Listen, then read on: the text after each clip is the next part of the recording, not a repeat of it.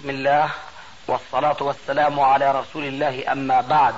فهذا أحد أشريطة سلسلة الهدى والنور من الدروس العلمية والفتاوى الشرعية لشيخنا المحدث العلامة محمد ناصر الدين الألباني حفظه الله ونفع به الجميع. قام بتسجيلها والتأليف بينها محمد بن أحمد أبو ليلى الأثري. إخوة الإيمان والآن مع الشريط الثالث والسبعين بعد المئتين على واحد. انظر الآن الإخلاص في الوفاء من جهة وعدم الاعتماد على ما فعله. أنتم بتسمعوا يمكن أن الصوفية بيقولوا فلان أخذوا الحال. أنا بنكر هذا الشيء لكن في له معنى هذا الكلام. لازم تعرفوا معي. قضية أنه الإنسان أحيانا بياخذ الحال هذا مش مستنكر أبدا لأنه الإنسان أحيانا لازم ينفصل عن الوجود المادي هو بارتفاعه إلى الأعلى واتصاله بالملأ الأعلى. هذا الرجل لما ألقى الخشبة وفيها المئة دينار بلا شك هذا أخذ الحال. حال الإيمان. فنحن اسمح لي. فنحن بنقول بيقولوا الصوفية أخذوا الحال يعني هذاك جنان. عم يذكر الله بأخذوا الحال. لا. هذا أخذ الحال. هنا أخذ آه، شعوره بأنه يجب عليه أن لو كان له أجنحة أن يطير إلى تلك البلد. من أجل ماذا؟ أن ينقذه النقود وفاء بالوعد. لكن مش طالع بإيده إذا شو بيساوي؟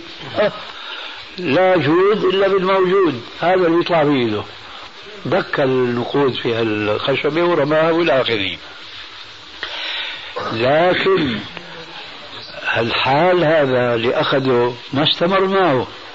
فهو بيرجع للوضع الطبيعي. والوضع الطبيعي يعبر عنه لما جاء عند صاحبه. تجاهل كل شيء فعله. وأخرج من جيبه نقد 100 دينار. لو كان بده يعتمد على ذاك الفاعل كان بيقول له أنا بعثت لك بالبريد الإلهي 100 دينار. لعله يصلك شو بيعرفوا هي قضية؟ خارجة عن طوق الإنسان. شايف؟ ولذلك تجاهل الموضوع ونقد 100 دينار. هذا بلا شك منتهى الوفاء والإخلاص والعمل بالوسائل المادية والوسائل إذا صح تسميتها الروحية أو الإلهية. جمع بين الأمرين ورجع إلى النظام المعتاد فنقده مئة دينار. انظروا الآن موقف الدائن. ليذكرنا بالمثل السائر إن الطيور على أشكالها تقع.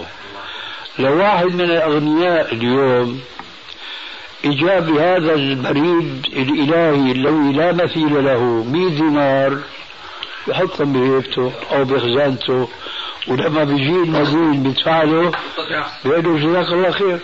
لأنه هذا المدين ما بيقدر يقيم الحجة عليه أنه أنا بعثت لك 100 دينار كما نفهم نحن اليوم بطاقة مستردة أنه أنا بعثت لك. ما في شيء من هذا. فوق الأسباب الكونية الطبيعية اللي وقع. لكن هذا الغني مثل هذا المدين كلاهما في الخوف من الله وفي تقوى الله سواء. ماذا فعل؟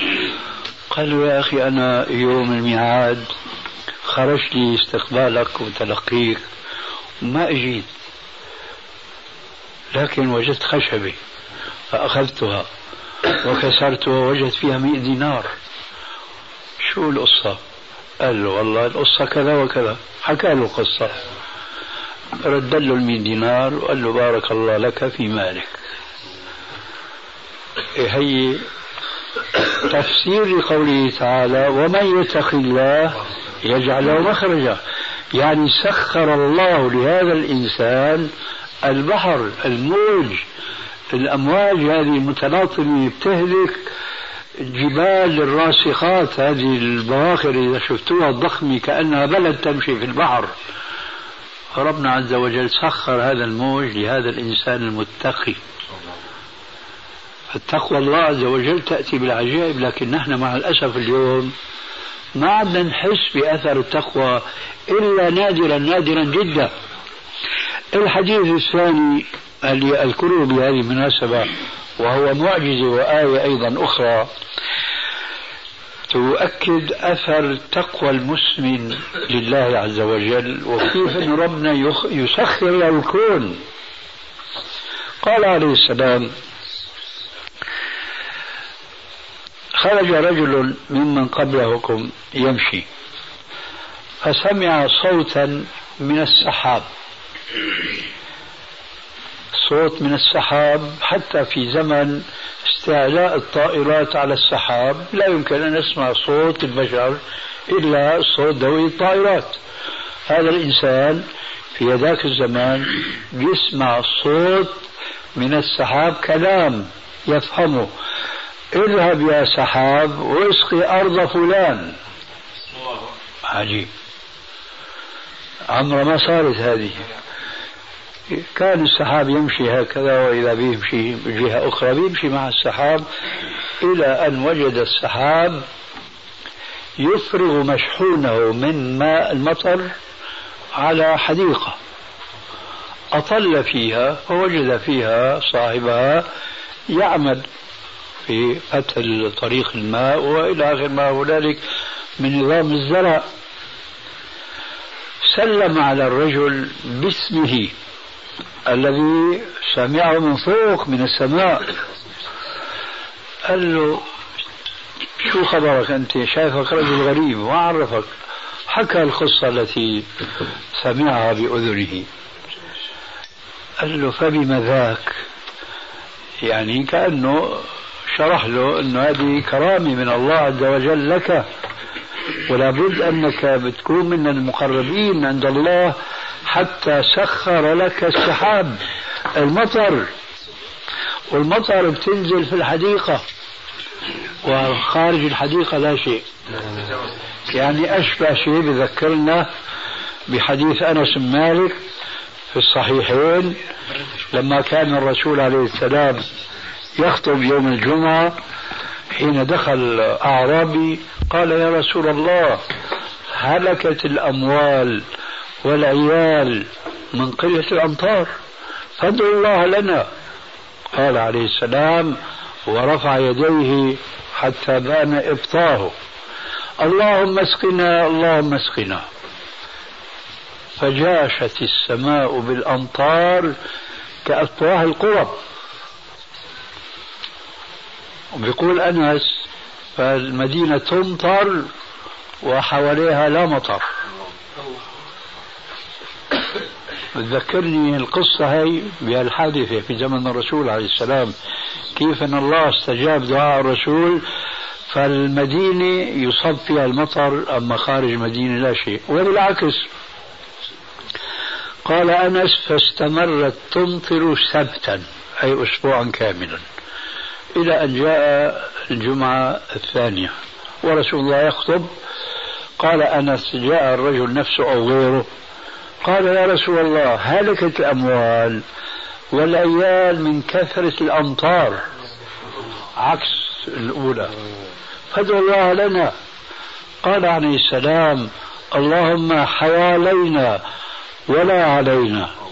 اللهم على الآطام والضراب والجبال ومنابت الشجر. قال فانكشفت السماء. فكانت كالجونة يعني الترس كأنه في ترس كبير حول المدينة المدينة لا مطر فيها وما حولها إيش؟ أمطار على الآطام والجبال وما مثل هذا كله تصرف من الله عز وجل آه، إطاعة عفوا استجابة لدعاء نبيه عليه الصلاة والسلام هناك نجد هذا الرجل صاحب الحديقة يقول لي الذي سمع الصوت من السحاب أنا والله لا أدري لكن أنا عندي هذه الأرض وهنا الشاهد عندي هذه الأرض وأزرعها فإذا ما حصدتها جعلتها ثلاثة أثلاث ثلث أعيدها إلى الأرض ثلث أعيده إلى الأرض وثلث أنفقه على نفسي وثلث أتصدق به على جيراني ومن حولي. قال له فهذا هو. بهذا أنت استحققت أن الله عز وجل سخر لك السحاب لأنك تتقي الله في مالك. لا تنسى نفسك لا تنسى أرضك التي هي سبب رزقك ولا تنسى جيرانك والذين هم من حولك من الفقراء والمساكين. إذا حل المشكلة وبديل هذه البنوك هو أن نغير ما بأنفسنا حتى يغير الله تبارك وتعالى ما بنا. حين ذاك ستجد المسلمين هم أنفسهم يعالجون الموضوع الآن معالجة. أقول الآن يعني بعد أن يهيئوا أنفسهم ويغيروها. يعالجون المشاكل هذه التي تعترض سبيلهم ويستغنون عن البنوك الربوية القائمة على معصية الله. وهذا ما أردت أن أجيب عن سؤال أنه ما هو البديل؟ هاتوا غيره إذا كان عندكم. بالنسبة بالنسبة لاستئجار الصندوق ودفع الأجرة للبنك هل هذا يحمل على الآية الكريمة؟ ولا تتعاون على وتعاون على البر والتقوى ولا تتعاون على الإثم والعدوان يحمل على الشطر الأول منها. يحمل على الشطر الأول. أي نعم.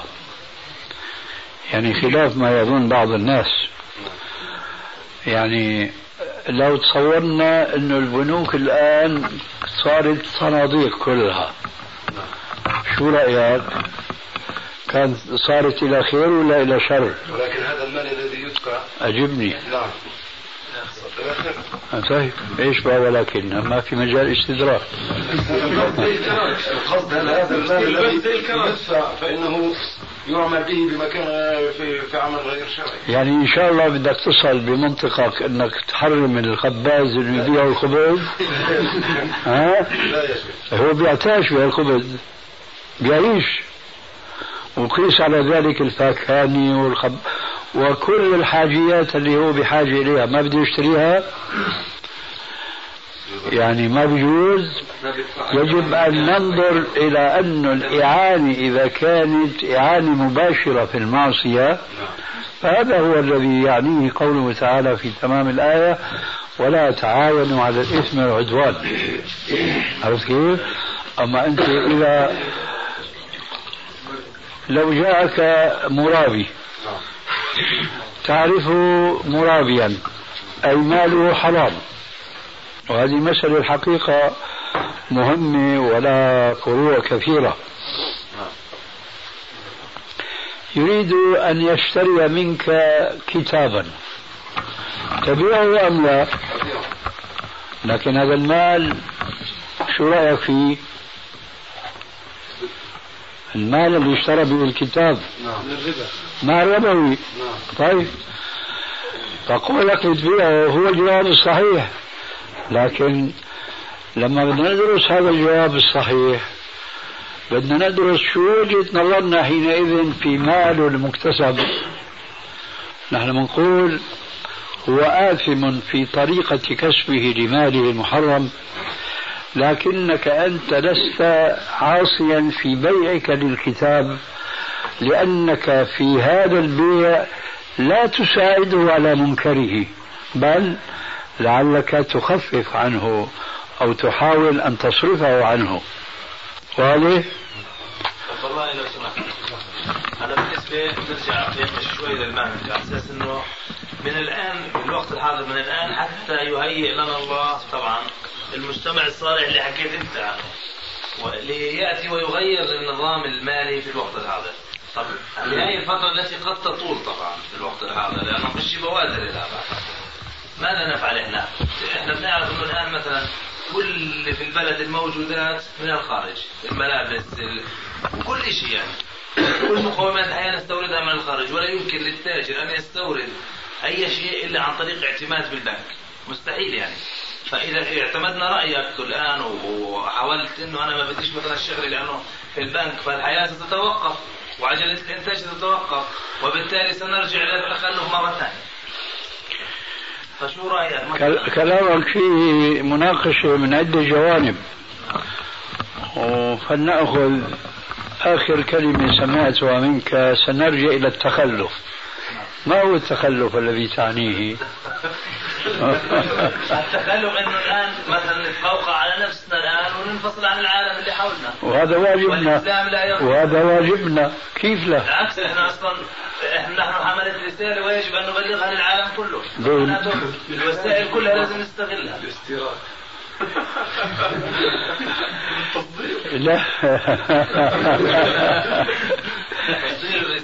شايف بقى شلون يعني أنت بدك تصدر دعوتنا بطريقة مشروعة يا أستاذ ولا غير مشروعة؟ طيب بس نحن عم نتكلم إنه هذه الوسائل غير مشروعة وسؤالك لريثما يتيسر لنا تحقيق المجتمع الإسلامي وإيجاد البنوك البديلة عن هذه البنوك. ما هو العمل وإلا توقفنا وتخلفنا.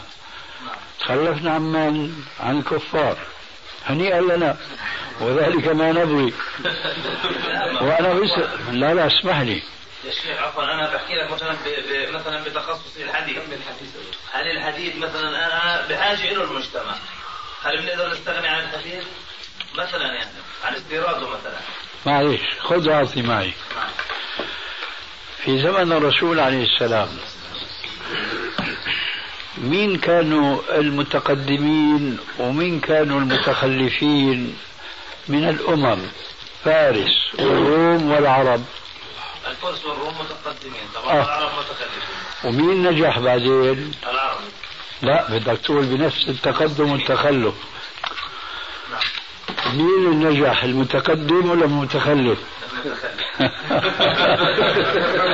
لا عفوا بس بتخلفه لم ينجح بتخلفه وإنما بوجود رسالة أدت إلى انفتاحه على العلوم. إيه بارك الله فيك. نحن هذا بدنا نحن هذا بدنا وهذا نحن واقعنا الآن. نحن واقعنا الآن. نحن متخلفون عن الدولتين اللي بيقولوا اليوم العظميين الشرقية والغربية متخلفين. لكن نحن متخلفون دينا أم مدنية؟ مدنية صح؟ كويس. شو بضرنا هذا التخلف المدني؟ ما دام كان مثله في الزمن الأول باعتراف الجميع وأنت معنا. ما ضرهم هذا التخلف حينما تمسكوا بدينهم. فإذا التاريخ يعيد نفسه. نحن ما بضرنا التخلف أبدا إلى ما نحن تمسكنا بأحكام ديننا. فهذا التمسك هو الذي يقدمنا وهو الذي شرحت آنفا هو الذي يكون البديل لحل كل المشاكل التي قد تعتبرنا وتحيط بنا. اليوم. ومن تنحو منحاها من الدول اللي بيسموها الدول إيش النامية. وإيش القسم الثالث؟ لا لا متخلف طيب. ودولتنا هنا من هذا القبيل. كيف ما تحاول إن تستقل في أن تعيش بدون ما إيش؟ تستعين بما عند الدول الأخرى. وإنما تكتفي إيش؟ ذاتيا. هذا معناه إنه ممكن حينما تكون هناك دولة قوية في منهاجها في نظامها في قانونها تستطيع أن تستغني عن كثير مما أنت أشرت إليه انفا من الاستيرادات التي لا تكون من الضروري. الآن أنت ذكرت مثال الحديد صح؟ نعم. طيب. لماذا ذكرت مثال الحديد وما ذكرت الأشياء الكمالية؟ أنا لأنه مجال تخصصي وكلا معليش كونه مجال تخصصك كونك أنت متخصص في شيء وكون آخر متخصص في الخشب مو هو اللي بيفرض بقى البحث لأن البحث واسع له جوانب كثيرة جدا. فالمفروض في مثل هذا البحث أنه نتفق على كلمة سواء. أنه نحن نستطيع أن نكتفي بالضروريات لأنه قلت أنا في كلامي السابق إلا ما اضطررتم إليه الضرورات به المعذورات لكن الضرورة تقدر بقدرها. فإذا نحن قلنا الآن جدلا الحديد ضروري لا يمكن الاستغناء عنه. الخشب ضروري لا يمكن الاستغناء عنه. حينئذ بدنا نضطر نستجلب هذا الذي لا يمكن الاستغناء عنه. لكن شو رأيك هلا أنت؟ الحرب اللي قامت في أفغانستان نحو عشر سنوات. كانوا يستعملوا حديد وخشب. السلاح طبعا كله استيراد كان اللي مع الثوار ما جاوبتني. عفوا إحنا بغض النظر عن حديد أو خشب السلاح استيراد لأنه ضروري. هذول اللي صاروا في العراق كم مليون. وين الحديد؟ وين الخشب؟ المشكلة يا شيخ ما هو الضرورة تقاس مثلا بحسب الحاجة إلها هم مش بحاجة إلى خشب بحاجة إلى سلاح يستوردون من الخارج. لا يا أخي أنا ما عم أحكي عن المجاهدين المقاتلين عن المشردين. المشردين الشعب الأفغاني المسلم اللي أخرج من دياره وتفرقوا شر مضر هدول عايشين تحت خيام ما ترد عنهم لا حر ولا قر. فهذول ما هن سائلين الآن عن حديد وعن خشب وإلى آخره. هن بدهم ينجوا بأرواحهم ويطالوا هالكافر المحتل بلادهم الشيوعيين هؤلاء لحتى يعيدوا بقى النظام الحكم والدولة الإسلامية وما شابه ذلك. قصدي أن أقول الأمة اللي تعزم على الحياة آخر ما تفكر بقضية الحديد والخشب بتفكر بالسلاح بتفكر ب... بأن تستقل في تصرفها في نظامها في قانونها في بلدها في دولتها في في إلى آخره. المهم يا أخي المشكلة مثل ما قلت لك والمشكلة تحتاج إلى شرح المشكلة داخلة في القلب. الرسول عليه السلام يقول بس نحن وما يقول الرسول؟ من أصبح منكم آه، معافا في بدنه آمنا في سربه وعنده قوت يومه فكأنما سيقت إليه الدنيا بحذافيرها. هل يفكر هذا التفكير؟ ويتربى. ليش المشكلة عويصة لأنه ما في عنا تربية على هذه التوجيهات النبوية الكريمة. هل بيعيش على هذا الأساس من التوجيهات بصير شعب غير شعبنا اليوم المرفه اللي ما بيستطيع إلا إن يكون متنعم ويكون آه يعني يتخذ كل الوسائل التقدمية. أنا لا أقول إنه هذا محرم في الإسلام لكن أنا في حدود إنه ممكن الاستغناء عن كثير من الأمور لكي لا نضطر أن نرتكب مخالفات مخالفات إسلامية. فالمثال اللي ذكرته أنت مثال بلا شك يختلف عن الاستيرادات الأخرى الكثيرة التي هي من الكماليات ويمكن الحياة فيها عنها عنها بسهولة جدا فلو وفرنا من هناك لأجل هذه الضروريات لنقل مثل الحديد والخشب إلى آخره هل قلت عمليات البنوك ولا كثرت؟ هذا هو يعني. ولذلك لما بتقل هذه الناحية ممكن حينئذ يسهل علينا لوضع حلول ومعالجات إسلامية بديلا عن تلك المعالجات الموجودة في هذه البنوك التي تتعامل بالربا. على كل حال لن يستطيع كما قلت في أول كلامي واحد مثلي أو عشرات أنه يقدموا بديل عن هذه البنوك مع كونها قائمة بمحض اختيار المقيمين لها حيث لا يحرمون ولا يحللون. مع ذلك حتى وصلوا إلى هذه المرتبة من التنظيم كم سنة أخذ هذا الأمر؟ سنين طويلة جدا. فلما بده جماعة من المسلمين يتفقوا على التفكير في تحصيل البديل لوضع المخطط النظري ربما يحتاج إلى سنين. أما التنفيذ فقد يحتاج إلى أكثر وأكثر حينئذ شو الحال؟ الحال القناعة انه ما نتوسع على حساب إيش؟ التعامل مع البنوك لأنه نحن مضطرين. ما في ضرورة ابدا. الضرورة وهنا لابد من التفكير بأمر مهم جدا يخطئ فيه الناس. الضرورة لا تحلل الحرام وهي لما تقع. الضرورة لا تحلل الحرام الذي لم يقع بعد. يعني واحد بيرتكب محرم حتى ما يقع في محذور هذا مو ضرورة. وإنما الضرورة فيما إذا وقع. مثلا إنسان في الصحراء إلا ما اضطررتم إليه. مشي ساعة ساعتين ثلاثة إلى آخره نفد الزاد وشيء معه. وصبر وصبر وصبر وإلى آخره.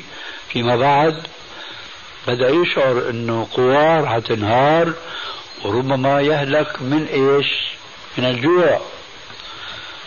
وجد ميتة وجد خنزير اصطادوا قتلوا أكلوا ميت إلى آخره. هنا يقال الضرورات تبيح المحظورات إلا ما اضطررتم إليه. لكن إنسان ما وصل لهذه المرتبة من الحاجة والإحساس بالجوع.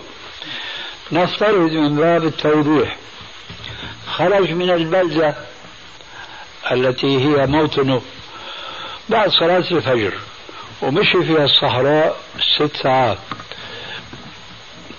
نفد الزاد نفد الطعام. صابوا شيء ضاع المال ضاع كل شيء إلى آخره وجاء. هيك صبر صبر صبر للساعة 12 12 يعني غروبي يعني المغرب. حينئذ شعر بأنه إذا ما أكل يخشى أن يموت جوعا. عليكم السلام ورحمة الله. نحن بنقول هذا الرجل تمتع بقوله تعالى إلا ما اضطررتم إليه. تقريبا هذا صبر 12 ساعة. بنجيب صورة ثانية. نفد الزاد الظهر. ما عاد في زاد لكن هو لم يحس بما حس به المغربيات. وجد أكلة محرمة قال أنا باكل الآن خشيت أنه جوع في أول الليل. هذا لا يجوز له أن يأكل. ليش؟ لأنه ما وقع في الضرورة. واضح الفرق بين المثالين الآن حياتنا نحن هكذا. ينطبق عليه المثال الثاني مش المثال الأول. نحن حتى ما نتخلف لازم نساوي كذا وكذا. شو كذا وكذا يعني ارتكاب مخالفات شرعية. لا هذا لا يبرر. هذا ليس بضرورة. إذا وقعنا حينئذ يجوز لنا أن نرتكب ما حرم الله. أنا أذكر حادثة وقعت لي أنا شخصيا. أولا لأنه مثال لما قلنا أولا. وكتاريخ. أنا أول سفرة سافرتها إلى بيت الله الحرام. سافرتها بطريق البر. وكانت مركوبتي سيارة بسموها هنا بيك أب تقريبا سيارة شحن يعني صغيرة. ومشيت فينا السيارة مسافة لا بأس فيها وبدأت آه، آه، شو اسمه تسخن ويتبخر الراديتر وينقص الماء. كل شوية السائق في عنده تنكات ممتلئة ماء كل شوية يعبيها بعد ما يبردها ويمشي فيها. وكنا مع ركب فضللنا الطريق. ثم نعم؟ أي سنة هذه؟ قديم يمكن صار له قرابة 35 آه، 40 سنة أي نعم. آه الشاهد وقفت سيارة وما بقى في عندنا ولا ذرة ماء. للشرب ما في ماء. ماذا فعلنا؟ فتحنا البر اللي تحت الريديتر صفينا الماء اللي باقي في الريديتر ماء كأنه مثل الشاي هذا. صدق. كأن حاطين طبعا حبة بيضاء. نحط الحبة هيك على طرف الصحن ونمص مص. مي لا يمكن. مع ذلك نفذ الماء. فأنا استلقيت هكذا على الأرض كأني يعني بدي سلمها. وبدأت. الشاهد وقفت سيارة وما بقى في عندنا ولا ذرة ماء. للشرب ما في ماء. ماذا فعلنا فتحنا البر اللي تحت الريديتر صفينا الماء اللي باقي في الريديتر ماء كأنه مثل الشاي هذا. صدق كأن حاطين طبعا حبة بيضاء نحط الحبة هيك على طرف الصحن ونمص مص مي لا يمكن. مع ذلك نفذ الماء. فأنا استلقيت هكذا على الأرض كأني يعني بدي سلمها. وبدأت آه، مخاري يتقاطر منه دم. شو بدنا نسوي عطشنا لأول مرة في حياتي وما تكررت وأرجو أن تتكرر الحمد لله سلام لأول مرة بفكر إيش؟ أنه أشرب بولي يا ترى مجرد ما فكرت حلي الشرب؟ لا. شايف؟ حتى ما موت يعني. ما بيجوز أنا إحتاط في ارتكاب إيش؟ المحرم. لما بيغلب على ظني إنه إذا ما شربت هذا النجس حينئذ تأتي الآية الكريمة إلا ما اضطررتم إليه. وهذه المسألة فيها دقة متناهية. ليه؟ لأن بعض الشباب المسلم مسلم أولا عاطفة والحمد لله ذخير لكنه ما هو متفقه في دينه. إلى الآن أسأل أنه أنا صورتي في الجواز أو في الهوية الشخصية حليب وربي هداني وعفيت عن لحيتي. وهلأ اجى بدي أروح المخابرات بخاف يظنوا فيه إنه أنت كنت حليب هلأ مربي لحيتك. بجوز أهلي لحيتي الجواب طبعا على حسب ما سمعتم انفا. لا ما بيجوز ليه؟ لأنك أنت راح تهلي لحيتك مشان ما تقع. يمكن يا أخي ما تقع. شو بدريك أنت؟ فما بيجوز هنا يقال الضرورات تبيح المحظورات هو ما في ضرورة. وهذا بذكرني بقصة وقعت وأنا في الشام قبل 11 سنة أو 12 سنة. كنا طبعا نلقي دروس هناك وشباب من مختلف الأجناس والحزبيات وإلى آخره. بدأ شاب من قبل سنة يعني السؤال اللي راح أحكي لكم إياه بدأ يتردد علينا في الدرس. وبعد كم شهر شعرت أنه اتخذ لحية على طريقة بعض البلاد العربية. المهم شعرت إنه أنا هذا الشاب على اجري وبجري خير مما كان عليه أول ما بدأ يتردد علينا. يعني هذا وإن كان هو سني لكن خير من اللي مبتلى بحلق الله على الضيف تماما. خلاصة يوم من الأيام بخرج من الدرس. عادة لما بيكون بعض الشباب عندهم أسئلة خاصة ما بيلقوها على الملأ بيتم فرصة خروجي بيطلع معي. بيقول لي يا أستاذ بدي أستشيرك في أمر قلنا له تفضل. انتهينا هيك ناحية. قال لي أمي بتتدخل علي وبتترجاني إنه احلق لحيتي. وأنا بقول في نفسي يا ريت تكون لحيه كامله إيه. ليش؟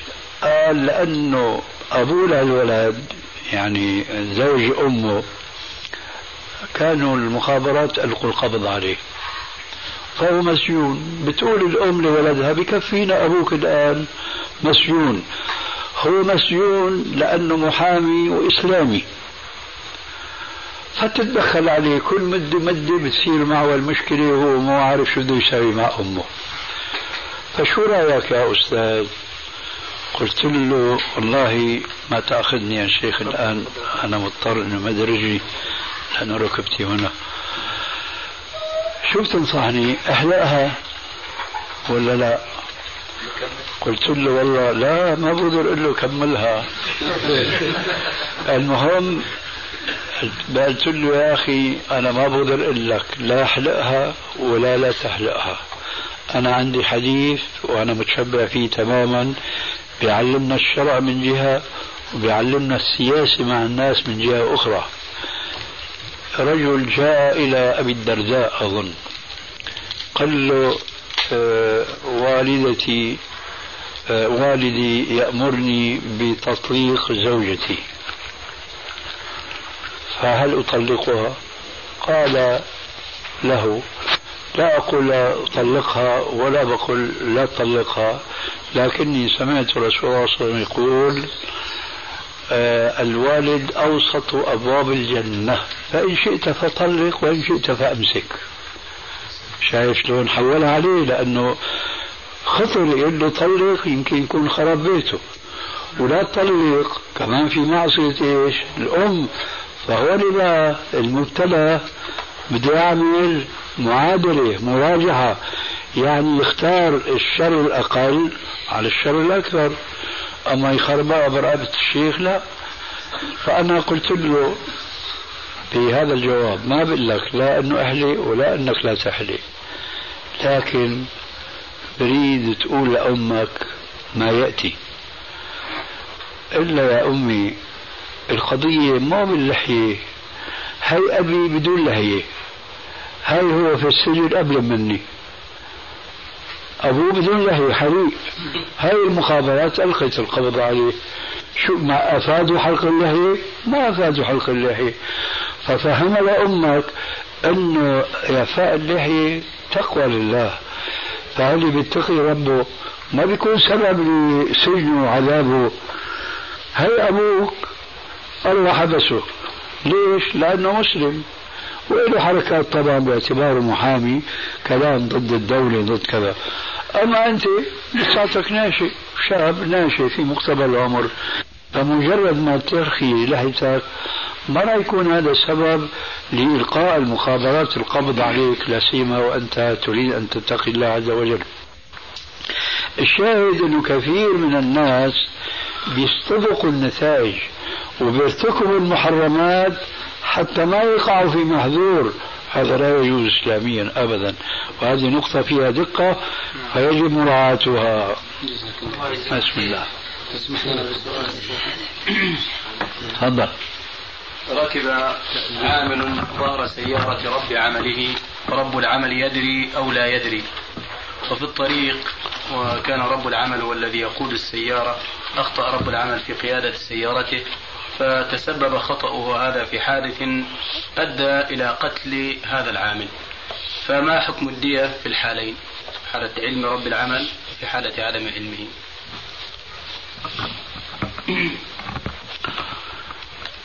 يجب في اعتقادي أن يدرس آه، الواقعة دراسة دقيقة من حيث النتيجة التي وقع فيها القتل.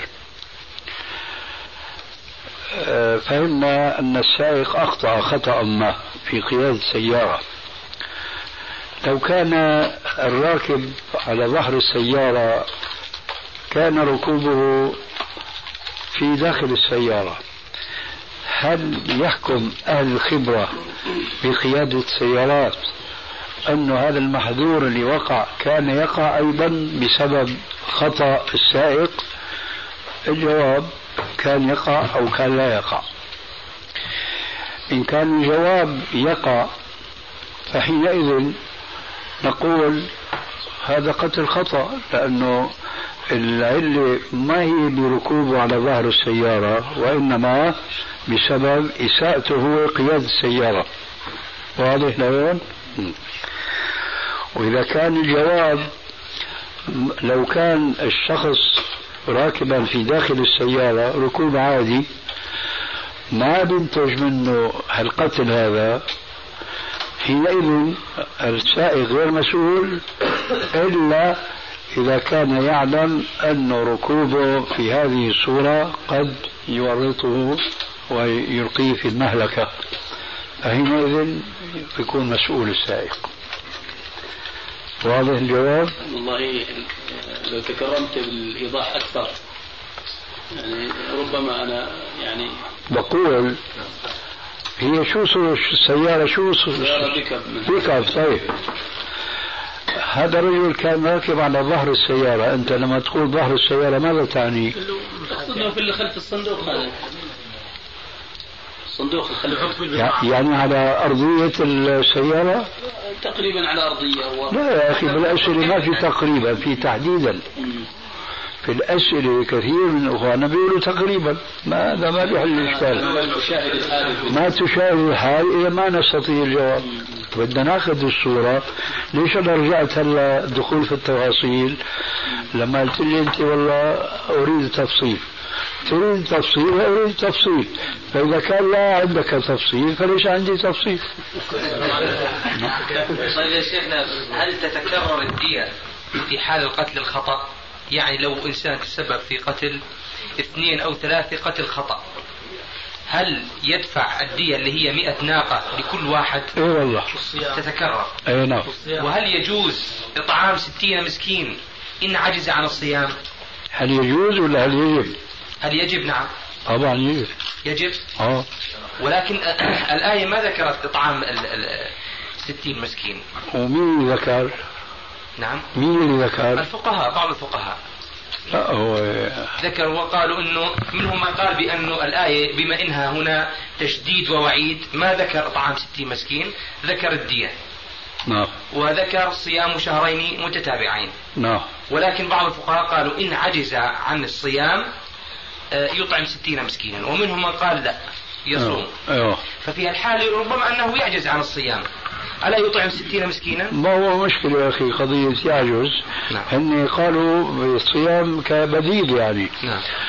تذكر الآية شيء الواردة في الكفارة نعم. وما كان لمؤمن أن يقتل مؤمنا إلا خطأ. نعم. ومن قتل مؤمنا خطأ فتحرير رقبة مؤمنة أو دية مسلمة إلى أهله إلا أن يصدقوا. فإن كان من قوم عدو لكم وهو مؤمن فدية مسلمة إلى أهله وإن كان من قوم بينكم وبينهم ميثاق فدية مسلمة فدية آه، مسلمة إلى أهله آه، فتحرير رقبة مؤمنة ودية مسلمة إلى أهله. آه. هذا يخرج نعم. لا ما فيش لا والصيام مدة النهار فقط. كيف؟ فمن لم يستطع فصيام شهرين متتابعين توبة من الله. ماذا؟ الإطعام ما ذكر في القرآن نعم ما ذكر. بعض الفقهاء استنباطا يعني نعم أمام الكثير يقول بعدم الصيام بعدم الإطعام نعم والله أنا الآن أجد نفسي لا جواب عندي في هذه القضية لكن الظاهر والله أعلم أنهم ذهبوا إلى الصيام يعني كبديل قياسا واجتهادا واستنباطا. آه الإطعام نعم الصيام منصوص عليه. أيوه الآية في الصيام. وربما أنه استندوا في موضوع كفارة الظهار. أي نعم. على كل حال ما في عندي الآن جواب أستطيع أن أعتمده الآن. لأنه هناك من الناس يعني يأتي ويستفتون. رجل مثلا جاء وقال ذهبت إلى المفتي وأنا قتلت مثلا رجل خطأ. سائق باص وقتل واحد خطأ. فأشار عليه قال له بتجيب ذبيحة وبتجيب أربعة خمسة كيلو آه، آه، رز أوه. وبتجيب ثلاثة أربعة كيلو لبن. أو تعملهم آه، منسف. أيوه. أنا اسف يعني وتطعم شو اسمه؟ طبعا ما بعرفش انعزم فيها المفتي ولا لا. آه. فأنا قلت له الرجل شفته يعني بصحة جيدة فبقول له الآن أنت عليك صيام شهرين متتابعين. أوه. ابدا. أيوه. فأنت هل عجزت عن الصيام؟ أيوة لا. قال أنا ما جربت. قلت له طيب كذا تطعمي 60 مسكين؟ لا كيف ما جرب؟ ما بيصوم رمضان؟ هو بصوم رمضان. إيه خلص. آه بس المفتي فتاله اياها غير هيك يرد علي ولا المفتي الآن. نعم. في تساؤل لا قبل ما يسوي الذبيحة. في تساؤل اللي بيصوم شهر. نعم. بيستطيع يصوم نعم، نعم يستطيع. شهرين نعم متتابعين وإلا ربنا عز وجل ما بيكلف الصيام ولكن هنا لا تسقط. عنه الصيام لا يسقط عنه إذا كان قادر على الصيام وأطعم 60 مسكين لا ما بيسقط لا عنه. لأنه هذا نص في القرآن شيخ أخونا عقل كان هو حكى لي إنه في باص ميت فيه عدد كبير إيه. فقال لي تسالنا الشيخ يعني شو حيسوون في العدد الكبير وذكروا بعض الطائرات حجاج كانت من باكستان كوريا كذا والطيار نجا والباقي راحوا مئات. شو بيسوي بهذه الحاله؟ لا هو المسألة تحتاج إلى دراسة. إذا كان السائق متسببا يرد السؤال. أما إذا كان ال- السائق غير متسبب فما هو مسؤول؟ أنا قلت له هذا الكلام إنه أنا سمعته منك هذا. نعم. قلت له الشيخ يعني يرى هذه المسألة فاسألوا أهل الذكر إن كنتم لا تعلمون أي نعم. كل, عمل له أهل الذكر فيسأل أهل الاختصاص في قيادة السيارات والميكانيك إنه هذا سبب إهمال السائق أيوة. أم هو يعني هذا هو هذا فإذا كان نعم. السائق مستلبي يعني بده أيوة. كم العدد كان في 10 حدود الاستطاعة في حدود الاستطاعة نعم بالنسبة للدية هل يملك المسلم الذي يقتل له قتيل خطأ أن يلزم المسلم القاتل في الحضري الذي يعيش بيننا في ديار مثل هذه الديار بمئة ناقة ونحن نتعامل بالذهب والفضة في هذا الزمان. هل هل يملك أن يلزمه أن يلزمه بأن يحضر مئة ناقة؟ أم أن الشرع يفرض عليه أن يأخذ الذهب والفضة أو الذهب؟ يفرض. فرض أنا. هو اللي بعرفه أنه أهل النوق يجب عليهم من الجمال وأهل الغنم من الغنم وأهل ال- النقد من النقود. ليس هناك ما يلزم في الوضع اللي أنت تسأل عنه الآن. هذه الخاطئة الشائعة أن يقول السائل رأي الدين. لا يقال رأي الدين يقال رأي الشيخ. الدين ما عنده رأي. الدين عنده حكم عنده قضاء وقضاء نافذ يجب أن ينفذ. أما الرأي نحن في عنا آراء قد نصيب وقد نخطئ. فإذا كان ولابد من ذكر الرأي فإنما ينسب إلى الشيخ أو العالم أو المسؤول فيقال ما رأيك يا فلان؟ ما رأيك يا شيخ؟ ما رأيك يا أستاذ؟ وإذا كان لابد من ذكر الدين فترفع لفظة الرأي ويقال ما حكم الدين. هكذا يجب أن نكون دقيقين في ألفاظنا حتى نتأدب بأدب نبينا. عليه الصلاة والسلام. والجواب أن العمليات الانتحارية هذه آه، لها صورتان. الصورة التي تجوز لا وجود لها اليوم في اعتقادي إلا أن يكون شيء لا نعلمه وهو أن يكون المنتحر أقدم على الانتحار بطريقة ما لإصابة أكبر عدد ممكن من أعداء الله أن يكون انطلاقه إلى هذه العملية الانتحارية تنفيذا لأمر القائد الأعلى الذي يعرف ما تحتاجه الأمة المسلمة من الفداء. هذا يجوز أما أن يقدم المسلم على عملية انتحارية بمحض رأيه واجتهاده فهذا لا يجوز. واضح الجواب؟ ولما يموت عبد الحليم طبعا احبائه بدهم يرموا محارم فوق الأسطح من انتحر هذا الذي ينتحر هل يخلد في النار؟ هذا مغني- ومات هذا- انتحر. هذا أمره إلى الله عز وجل. نعم.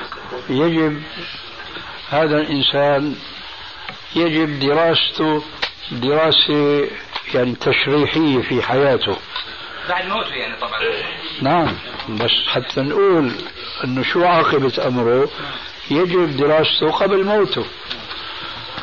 فإن وجدنا ما يؤكد أن انتحاره كان يعني عدم رضا بقضاء الله وقدره فهو إلى النار وبئس القرار.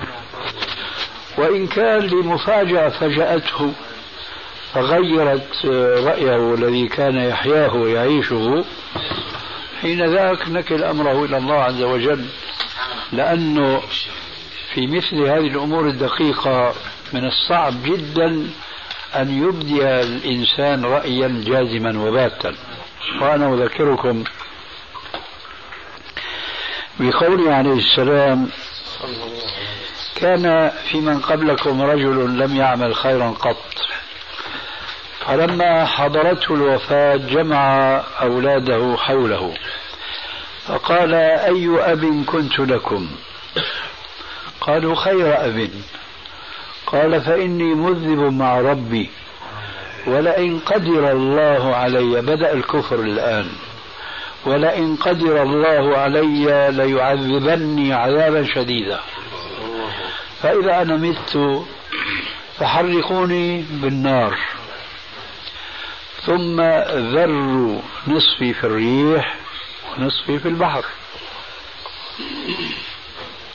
فلما مات حرقوه بالنار فذروا نصفه في الريح الهائج والنصف الثاني في البحر المائج فقال الله عز وجل لذراته كوني فلانا فكانت بشرا سويا. قال الله عز وجل أي عبدي ما حملك على ما فعلت؟ قال خشيتك. قال قد غفرت لك. في مقياسنا المادي بنقول هذا هو الذي عناه ربنا بقوله وضرب لنا مثلا ونسي خلقه. قال من يحيي العظام وهي رميم إلى آخره. هذا رجل تصور أنه إذا حرق بالنار وصار رمادا أن الله عز وجل عاجز عن إعادته كما كان. ولذلك أوصى بهذه الوصية الجائرة التي لا نتصور أعمق منها في الجور والظلم. لكن مع ذلك كان الموقف أيوة الموقف الإلهي كان خلاف موازيننا عن البشرية.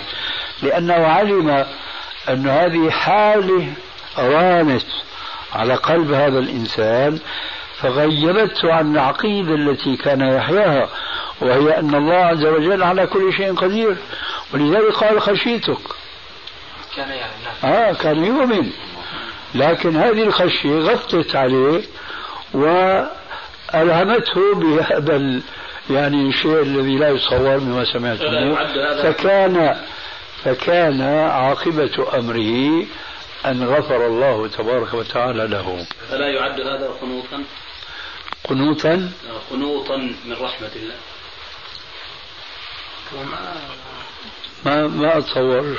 هو يقول يعترف بأنه مذنب مع ربه وأنه يستحق أن يعذبه الله عز وجل. شيخنا الأمور في رأيك التي تؤدي إلى الخشوع في الصلاة أو تعمل على الخشوع في الصلاة. ما في أمر. غير هذا أمر استهدار وتأثر بتوجيهات الرسول عليه السلام والآيات المذكورة في القرآن. كمثل قوله تعالى أفلا يتدبرون القرآن أم على قلوب أقوالها وقوله عليه السلام إن الرجل لا يصلي الصلاة وما يكتب له منها إلا عشرها تسعها ثمنها سبها سدسها خمسها نصفها. ليس هناك يعني أكثر من أن يتجاوب المسلم مع توجيهات الشرع كتابا وسنة وأن يجاهد نفسه ويستحضر قلبه حتى ينال مغفرة ربه عز وجل. نعم.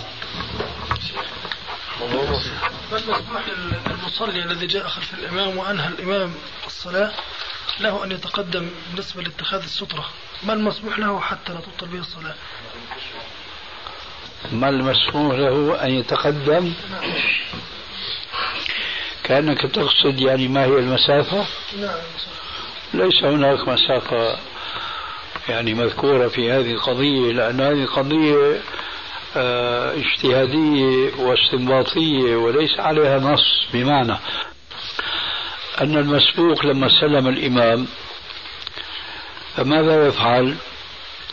هل يظل مكانه بدون سترة والسترة بعيدة عنه أم يحاول أن يتخذ له سترة من جديد هذه ما في عليها نص وإنما كما قلت آنفا هذه قضية استنباطية بمعنى لو أن رجلا جادلنا وعارضنا وقال لنا يا أخي أنا مسبوق وبدي أصلي في مكاني وأنتم بتتقدموا وتأخروا يمين ويسار وإلى آخره هذا شيء ما له أصل في السنة.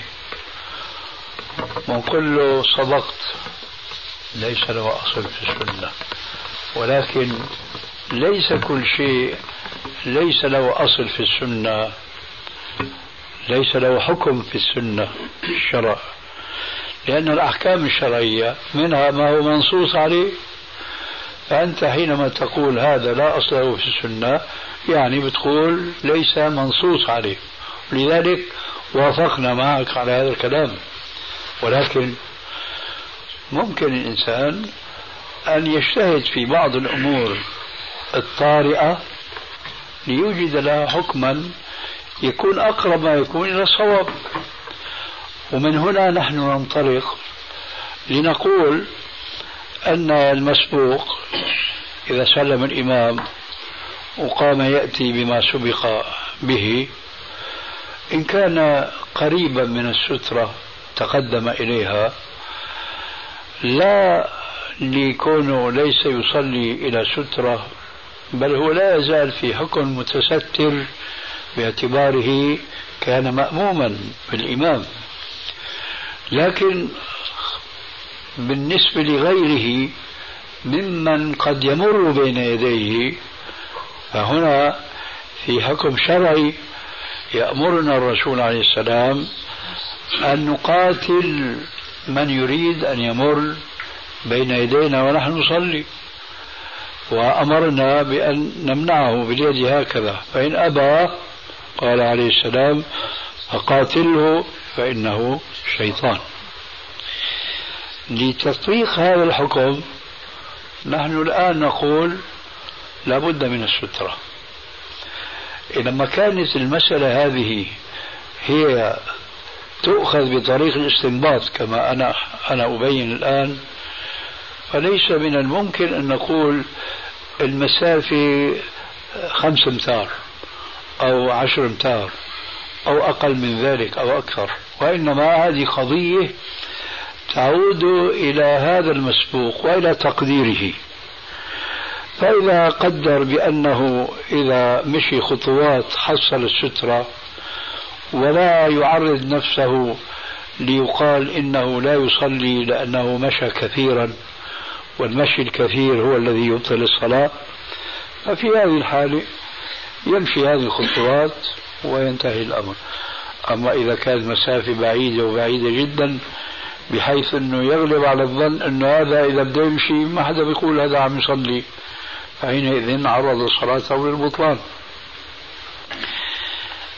باختصار لا يطمعن أحد أن يأخذ تحديدات دقيقة في مسائل اجتهادية كهذه. وإنما كما قال عليه السلام كمبدأ عام ساددوا وقاربوا فالإنسان إذا كان يصلي هنا والجدار هنا لكن في هون سترة بيأخذ يمين أو بيأخذ يسار أو بيمشي خطوتين يتستر بمن يصلي أو جالس يذكر الله أو ما شابه ذلك.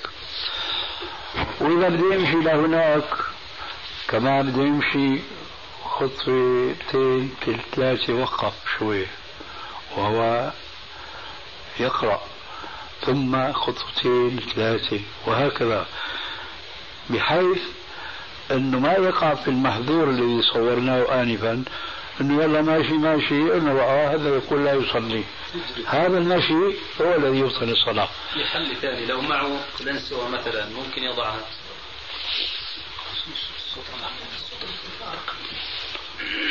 طبعا أنا بقول لك جواب على سؤالك ممكن لكن لا يفيد شيئا.